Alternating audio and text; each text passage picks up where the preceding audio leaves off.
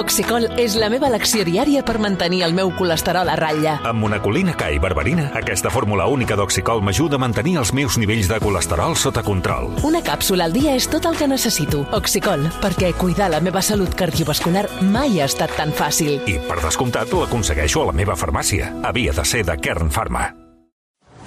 Via Lliure. Podcast. Village sans prétention, j'ai mauvaise réputation. Je me démène ou que je reste quoi Je passe pour un je ne sais quoi. Je ne fais pourtant de tort à personne. Avui amb els il·lustres execrables, que per cert, la Llucia Ramis us dedica un tros de la seva crònica avui a, a La Vanguardia, cita eh, la trobada que vau tenir dijous, crec, amb el David Trueba, al Jardineto. I, I que no sé si vau fer un debat o no sé què vau fer. Eh, de... Va, no sabem què van fer, no? És que volíem, volíem conèixer el Jardineto i mira. Sí, perquè No no, hi havíem anat mai, no? Mai, mai, mai. És un bar que han obert nou, Ja, ja, ja, ja, ja, ja. de gent jove. Sí, sí, sí. Bé, avui què?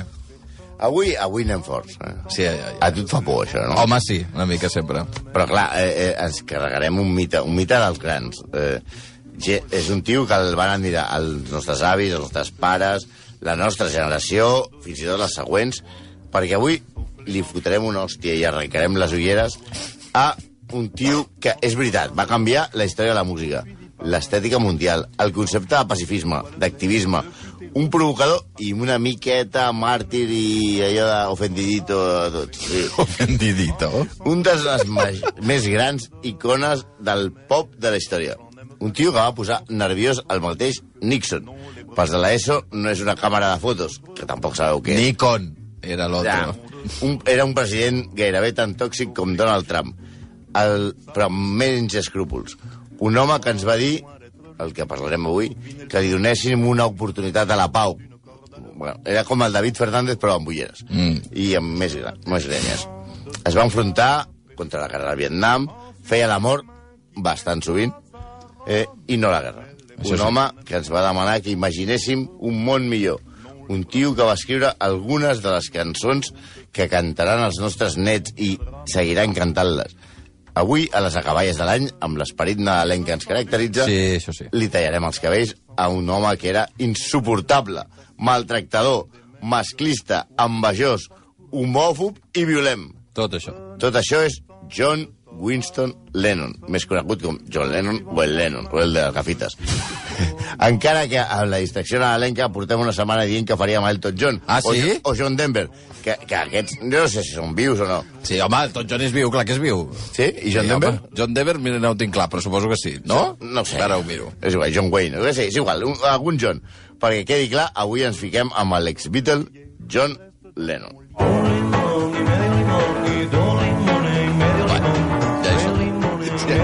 és a dir, que la idea d'aquesta genialitat de cançó té copyright i és del Monty dels, dels pantalleros. Sigui, perdona, eh? eh Un, le, amb- un amb- Lennon i medio Lennon. No, és Clar, un... Sí, està molt bé. No, ja entenc el joc de paraules, eh? El que passa és que te- tenint una discografia tan esplèndida, no... Ah, no, no Heu posareu- decidit que no posareu ni una cançó una de John Lennon. de- Molt bé, molt- perfecte. També, Estupendo. també he de dir que si hi ha penes John de presó... Denver és mort des de fa 20 anys. Que ho sapigueu. No ha avisat. Sí, no, no, no, Quan és el funeral? No, ja no. Ja va no, ja no arribem. Sancho Dávila de les Corts. Bueno, abans, Vinga, de, va. abans de seguir, quina ràbia que em fa això de cada vegada que surten unes ulleres rodones són les de John Lennon. Collons, i la que s'hagués inventat ell. Bueno, tu També no- eren rodones les del James Joyce, que era execrable, o Steve Jobs, o la de Trotsky, o la del puto Harry Potter. Bueno, però perdona. Quevedo. Quevedo, exacte, Quevedo les portava Quevedo, rodones. pues ja està. Però perdona, eh, tu no has portat ulleres rodones, tampoc no cal que et posis aquí a defensar. Escolta, en això també tens raó. Jo sí que ho asseguro. Tu has portat ulleres rodones? Lamentables.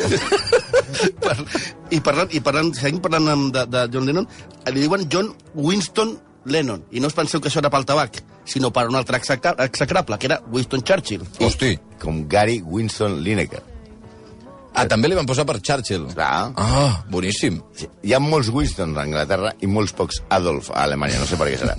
Va, comencem. De nen va haver de viure coses mm, bastant traumàtiques. Me, més traumàtiques que la separació dels Beatles. Això sí. Els seus pares eren, era, eren un serial. El seu pare era marí mercant, que mola mogollon sí, tenir un pare marí. Sí. Però eh, era bastant poc formal. No havia en cada puerto, tatuatge... Ja, ja, i ja, tot ja, ja, ja. Va arribar un dia a casa i la seva dona estava embarassada d'un altre home. Hosti. Això, eh, si has estat fora de casa més de 9 mesos, et fa sospitar. Ja. Sí, i pot molestar, eh? Pot molestar. Ja. El pare volem portar-se al partit John a Sí, Nova el, John, Zelanda. el John no és fill del pare... Clar, Clar, això ja no ho sabem, això ja no ho sabem. Bueno, No ho sabem. era però ell, el que l'embaràs era ell. No, no, no, quan, quan jo L'embaràs és ell ella, sempre, normalment és ella. Eh? No, ell, dic, el, el, Leno, el, aquest embaràs que m'esteu dient que se'l troba el seu No, no, pare... és el germà, un, un germà que Ah, té és un John germà, no, és, no era Leno. Era allò de que en surts de casa i tornes i la dona està Ja, ja, ja, això sí, això sí. I què ha passat? Mm? No sé. Aleshores, ell, el, el pare se'l vol endur a Nova Zelanda. Pas de l'ESO, Nova Zelanda està a tomar pel cul. Va Ja tenir... saben on és Nova Zelanda. Bueno, No, ho no, sé. no ni idea. És igual, va. Van tenir una forta discussió, la dona i el pare, i li van fer decidir a John eh, què volia fer. John Lennon tenia només 5 anys quan el van posar papà i mamà i li van dir tu què vols fer, amb el papa o amb la mama? Hosti. I ell, clar, eh, va dir que es, que dos vegades va dir que es quedava amb el pare. Però en marxar la mare, el nen va sortir plorant darrere seu. Eh, normal, o sigui, tampoc tenia molt, molt, molta cosa a fer. Bé, tot decidit, et quedes amb la teva tia. Què ni dius? el papa ni la mama. Ni el papa ni la mama. I la tia es diu Mimi. Oi. Si tens una tia Mimi és molt fort. Jo tenia una tia que es deia Pepita, que és pitjor. Que té possibles, la tia tenia bastants diners, Ah, sí? i, i eh, els pares decideixen que la passaran de visita de tant en quant. La mare el va deixar de visitar als 16 anys, als 16 anys del Lennon, no de la mare, quan la va atropeçar, a atropellar un policia bueno, borratxo. Clar, llavors no. Sí, no, bueno, que la- no va venir més, No eh? va venir més, però perquè la van matar. Sí. Bueno, ah, bueno. Però ja deia sé que la tots són matisos, eh, però... Sí, clar, però, matitzem. Ja, ja, ja, ja. La família no era rica, la de la tia, però sí pròspera. I, sobretot, millor que la dels altres Beatles. En començar a alternar amb el Paul McCartney i els seus amics, la seva tia estava molt preocupada perquè eren de classe baixa. Si el que li preocupava eren els calés, tranqui mimi... no els hi Mimi res, eh? molt. Per cert, com us haureu donat, els Beatles és un joc de paraules entre Beatle, escarbat, que, que és, que, però que en, en anglès és amb, amb dos es, Beatle, no escarbat, sinó seria escarbat, o com sigui, i beat, que vol dir ritme en anglès. Mhm. -hmm. Traduït seria com escarabritme o cucamarxa. O xarango. Va! Bé, portem una estona parlant i encara no ha sortit la sang. I Bueno, a nosaltres- veure, heu matat, heu, mare, heu matat la mare de Lennon. No està mal. un policia borratxo, no? Bé, no res a veure, eh? el que vulguis. Eh, Policies mai nosaltres. Eh, a més, eh, John Lennon és pacifista, no? Sí? Pues no, Què vol dir no? no. Em direu, si no, un anglès que no es dona d'hòsties no és anglès. Sí, és hooligan. I més de Liverpool. no? A Liverpool jo he vist coses eh, increïbles, eh, baralles terribles als pubs. Doncs és que eh, en això... era violent, Lennon. Sí, clar, com tots els de Liverpool, home. Però anem per parts. Operosos, com les costelles de... Li va partir el presentador, el, el, el mestre de cerimònies de, Sí. de Cavern. Del lloc on tocaven. Sí, Sí, Cabra és el mític joc de Liverpool Sí, on sí. van començar. que, que l'han canviat de cera i que, Sí, sí, sí, i, que, sí. i que és fatal i tot això. Pues ell li va donar d'hostes i li va trencar les costelles. Per què? Per què? Perquè ell havia tornat de la seva lluna de mel amb el mànager Brian Epstein. Lennon, el suposat pacifista, li va donar una pallissa i, i va, va dir, segons expliquen a The Beatles Encyclopedia, que tenen això, de Harry Bill, es va justificar dient el presentador li va dir Lennon, ets un marica, així que li vaig colpejar a les seves putes costelles. Vinga. Combo. Hu- Homòfob, violent i en un acte tres cireres. Toma la hòstia. What's happening here? Imagine there's no heaven. Hosti. Sí, vaig estar moltes It's hores per tu, easy això. if you try. Que és una versió, això, eh? És una, és una, una audició, una, una d'aquestes proves, un càsting la per entrar a, a, de- una operació triomfo a Austràlia. Ja. És la pitjor versió que s'ha pogut trobar a la xarxa. Bueno, bé, homòfob no ho sé, encara que Home, li pegues sí, a un tio perquè marica. et diuen marica una mica sí, però bueno, però un sentit de l'humor, tenia un sentit de l'humor, era de graciós, hòstia, sobretot amb Brian Epstein, el seu mànager, del que es mofava tota l'estona per jueu i homosexual. Cirsa, Cirsa, Cirsa... Triple combo. Cling, cling, cling, cling. Ding, ding, ding. Quan Epstein li va preguntar a la banda, a la seva banda, sobre quin nom posar a la seva biografia, Epstein estava escrivint la seva biografia, Lennon, és que és tan graciós, va proposar Queer Jew, jueu maricón. Mm. Això no supera ni a Boti Costello, ni a Arevalo posseït pel Joaquín del Betis, eh? També solia burlar-se d'Epstein canviant algunes lletres de les seves cançons, com Baby, you're a rich man too, nen, ets un home ric, a Baby, you're a rich fuck you, nen, ets un ric jueu americà. Que bé. Eh, tenia algun problema amb els jueus i amb els homosexuals. Sí, clar. sí, sí. Bueno, en general, Tenia encara coses més gracioses que riures de, de jueus homosexuals. Com quan van tocar, sabeu que van tocar a Hamburg, que, quan van ser van a Alemanya i Sí. van tocar a un pub d'Hamburg, i ell, eh, Lennon sempre començava els concerts dient Hey Hitler. Els concerts a Hamburg. Sí, Li feia una gràcia als sí, alemanys. clar, com els il·legals. Però, eh, O, eh, o sigui, quan, era, quan eren dels Beatles, eh? Sí, sí, Hey Hey- Hitler, Hey deia. Hitler, clar. Als Eh, anys 60. això als alemanys no els hi feia massa gràcia, no? Perquè sobre, és que hem de tenir en compte que feia 15 anys només que s'havia acabat la, la Segona Guerra Mundial. I, per, I això no el feia el rei de la comèdia. Li va donar també a Hamburg per pixar al carrer, però no des de, de peu estant, sinó Sí. des de la finestra del seu hotel. Ah, molt bé. Sí. Sí, sí. Tot bé. Això era Lennon, eh? Sí, Sí. sí. passava gent. Ho feia, de fet, ho feia, de fet, de la- de l'apartament la, del, del goril·la que protegia els Beatles. Mm. I, i, I diu, per què? Per què ells tenien un guardaespatlles i encara no eren famosos? Aquests ja eren, eren, eren, eren, eren quatre gats. Doncs perquè al bo de John i la seva vis còmica li agradava insultar el públic, als, als concerts. Tota l'estona insultava el públic. Ah, sí? Sí. Tan pacífic el cabronàs, cal dir que hi ha una anècdota graciosa, una, que sí que és graciosa. I és que un dia començava l'espectacle, que estava a punt de començar, i John era al bany, al lavabo, amb una senyora. Imagin què farien... Bueno, Bueno. I va entrar el goril·la, que era boxejador i que havia estat a la presó, vull dir, una, una mala bèstia, i el va separar amb una gallada d'aigua freda. Molt subtil el tio. Lennon es va cabrejar i va dir que no podia sortir a l'escenari amb la ropa mullada. Gorila Maguila li va dir que per ell com sortia Maguila. amb pilotes.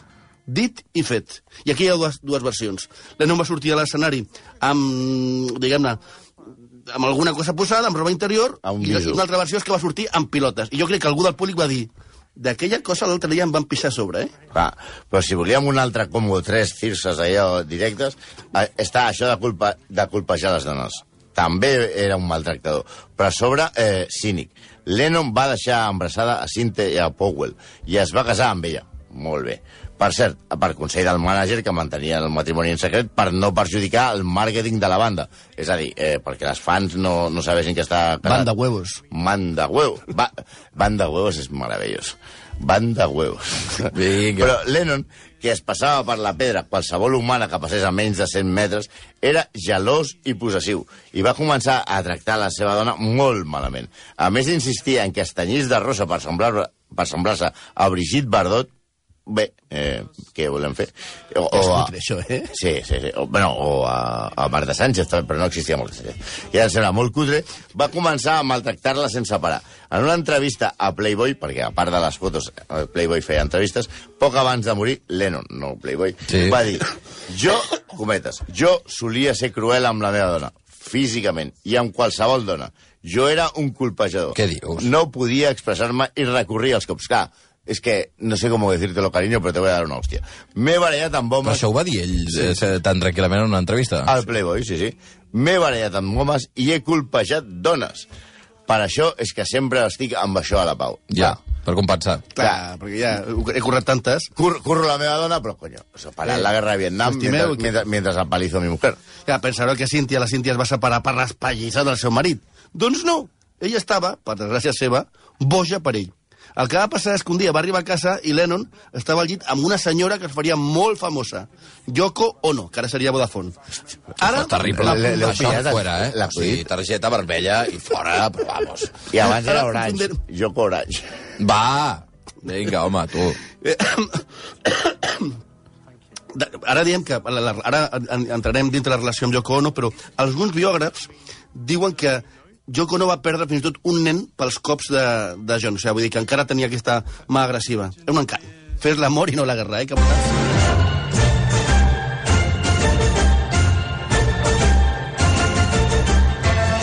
I ara què té a veure això? Això és el tabac, és l'anunci mem- memorable de Marlboro. Sí. Aquí arriba una part que ens encanta. La versió de Lennon de Cariño, me voy a por tabaco i ara subo. Sí. Ell va batejar eh, aquesta eh, opció com el Lost Weekend, és a dir, Los Weekend. el, cap, de, setmana, perdut. Sí. És a dir, ell, ell surt de casa i diu jo és que me voy a, vaig a comprar tabac i ara torno. Va durar 18 mesos. El cap de setmana de 18 mesos. Sí, los weekends són 8 mesos. Anar amb May Pang, la seva assistent, a Los Angeles i va portar una vida autodestructiva, encara que en aquella època va tornar a tenir algun contacte amb McCartney, que McCartney jo estic convençut que s'assemblava molt a la seva tieta Mimi. Sí, perquè s'ha acabat semblant molt a... I amb Ringo Starr. La llegenda diu Que animal, que és. que va ser la mateixa Yoko Ono que li va dir a Mike Pang que el seu matrimoni no funcionava i que si sabia que a Lennon li agradava a ella, que, es- que, que s'apanyessin. No sabem si és veritat o si ella li va dir irònicament. La cosa és que el Lost Weekend va ser més llarg que la final de la Copa Libertadores. Això sí. Si era un mal marit i maltractador i violent, tampoc se va com a pare. Només cal veure el que va rajar el seu fill Julian, el que John Lennon, per cert, es referia com concebut d'una ampolla de whisky, whisky un dissabte a la nit. Que bonic.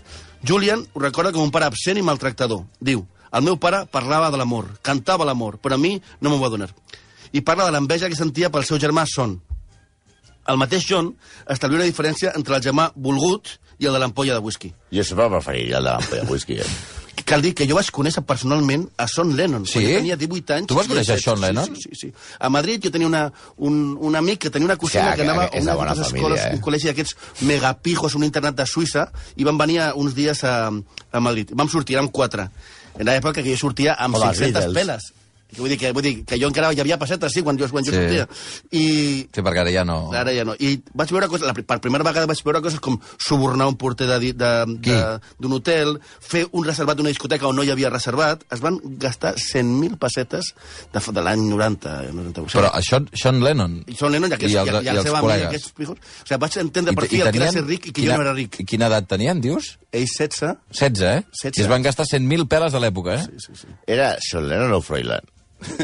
Però, però tampoc, però tampoc és tan estimat. Lennon va decidir donar-se un respir per cuidar Sean, que en el fons el, va, el volia cuidar, que sembla un gest bonic, però el pitjor és que tampoc és cert, perquè va deixar el seu fill en mans de cuidadors i es va dedicar a mirar la televisió, drogar-se, no hem parlat gaire, però Lennon podia interpretar tots els personatges de Trainspotting i Solet i escriure frenèticament al seu diari tot el que se li passava pel cap sense filtre. Robert Rosen va escriure una biografia sobre els últims dies de Lennon, anomenada Nowhere Man, on reprodueix i cita molts fragments d'aquests diaris. I la pregunta és senzilla. De què escrivia? Sobre la pau? Sobre l'amor? No! El diari Escrivia- personal, eh? Sí, sí. No escrivia ni a la Pau ni No, a la Pau. la sobre Pau. Paul McCartney. Ah, sí? sobre la seva tieta. L'estic convençut. eh? El biògraf diu, cometes, el John Lennon que jo vaig trobar en els seus diaris, els quals cobrien del 75 al 80, era un home ric i contradictori. Mentre va estar tancat a l'edifici Dakota, quan estava retirat del negoci de la música, va estar sempre gelós de l'èxit de Paul McCartney i de la seva cadena de discos triomfats. Cada dia pensava en Paul. Johnny, només et faltava ser envejós de la teva tieta. O sigui que realment eh, l'emprenyada aquesta Lennon-McCartney Ah, bé, sí. ja, ja venia de molt lluny, eh? De molt lluny. Ell escrivia al seu diari eh, Odio McCartney, diguem, Exacte. eh? Va. Està bé. Eh, el que... Kill, kill Paul, kill Paul, kill No, Paul. no. El que, sí, el que sí era bona mare, s'ha s'ha de dir, era Yoko. Ah, sí? Però amb idees una mica de bomber, eh? Es va ficar en un liu a Mallorca, perquè Lennon i Yoko, que anaven suposadament a Mallorca per uns curs d'aquests que feien de meditació transcendental que impartia el Maharishi Manesh aquest, però... el Aquell que, van a, aquell que van anar a veure a la Índia, com Exacte. fer aquells discos raros. Amb... Exacte. Sí, eh? Aleshores, eh, el seguien per tot arreu, no? Però el, el motiu real de la visita de Yoko Ono era segrestar a la filla de Yoko. Quina Yoko, filla? Que vivia... doncs, Yoko va tenir una filla amb Tony Cox, el productor cinematogràfic, Hosti. i vivien a Mallorca. I aleshores van a Mallorca a segrestar la filla, Que es diu Kyuko. Kyuko. I la, I la van trobar a una guarderia de Manacor, Kyuko Ono. Kyuko Ono.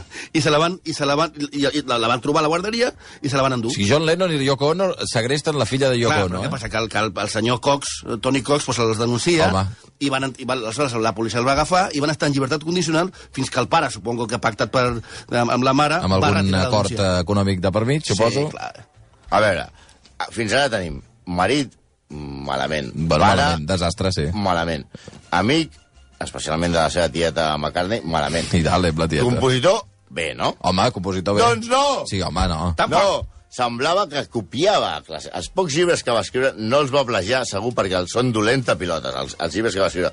Però sembla que alguna de les cançons del Beatles sí que estava una mica plagiada. Per exemple, la cançó Come Together és, eh, de l'altre execrable estava basada en, en la, en la obra de l'altre execrable Chuck Berry. You Cannot Catch Em. El mateix Paul ho reconeix. Originalment, referència a John Lennon, la va portar com una cançoneta molt vivaç i li vaig assenyalar que, hòstia, nen, és molt similar a You Can Catch Em, de Chuck Berry. I John va reconèixer de, Sí, s'assembla bastant. I el que li vaig dir va ser home, fes el que vulguis, però em sembla que a, a, això... És quan diuen allò Que no es noti gaire. Que no, es- és allò, és un homenatge. és un homenatge. Clar, eh, i la vam dir, paral·lel ritme, fent la més passada. El, els Beatles van arribar amb un acord econòmic a la discogràfica de la Berry, perquè Chuck Berry, com recordarem, eh, era un tio que tenia les peles a, a, a, a, al, al cap, no? Bueno, si, si van pagar és que alguna cosa tindria el nostre Juanito. Però fins i tot en Imagine, sembla que els acords, els primers acords, els va treure John Lennon d'un tema del seu pare, Freddie Lennon, que no era ni músic, escrit sis anys abans que Imagine. Segons Cynthia Powell, Lennon tocava de tant en tant aquesta cançó al seu pare per demostrar lo poc talentós que era i burlar-se d'ell. No sé, jo amb això sempre fallo, però aquí hi ha el tall per veure si s'assembla al principi de la cançó o no.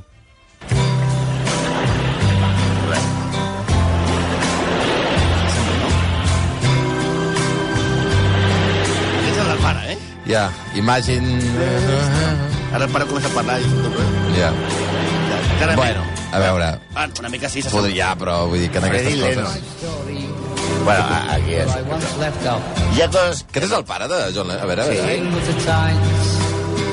Però no m'heu dit que no era cantant ni No, músic. no, si era Marí Marí. Però bueno, un dia va dir, com el meu fill és famós, jo també faré cançons. Digues, digues, Santi. Eh, De fet, és, és un raper. Sí, és una... eh, eh, és...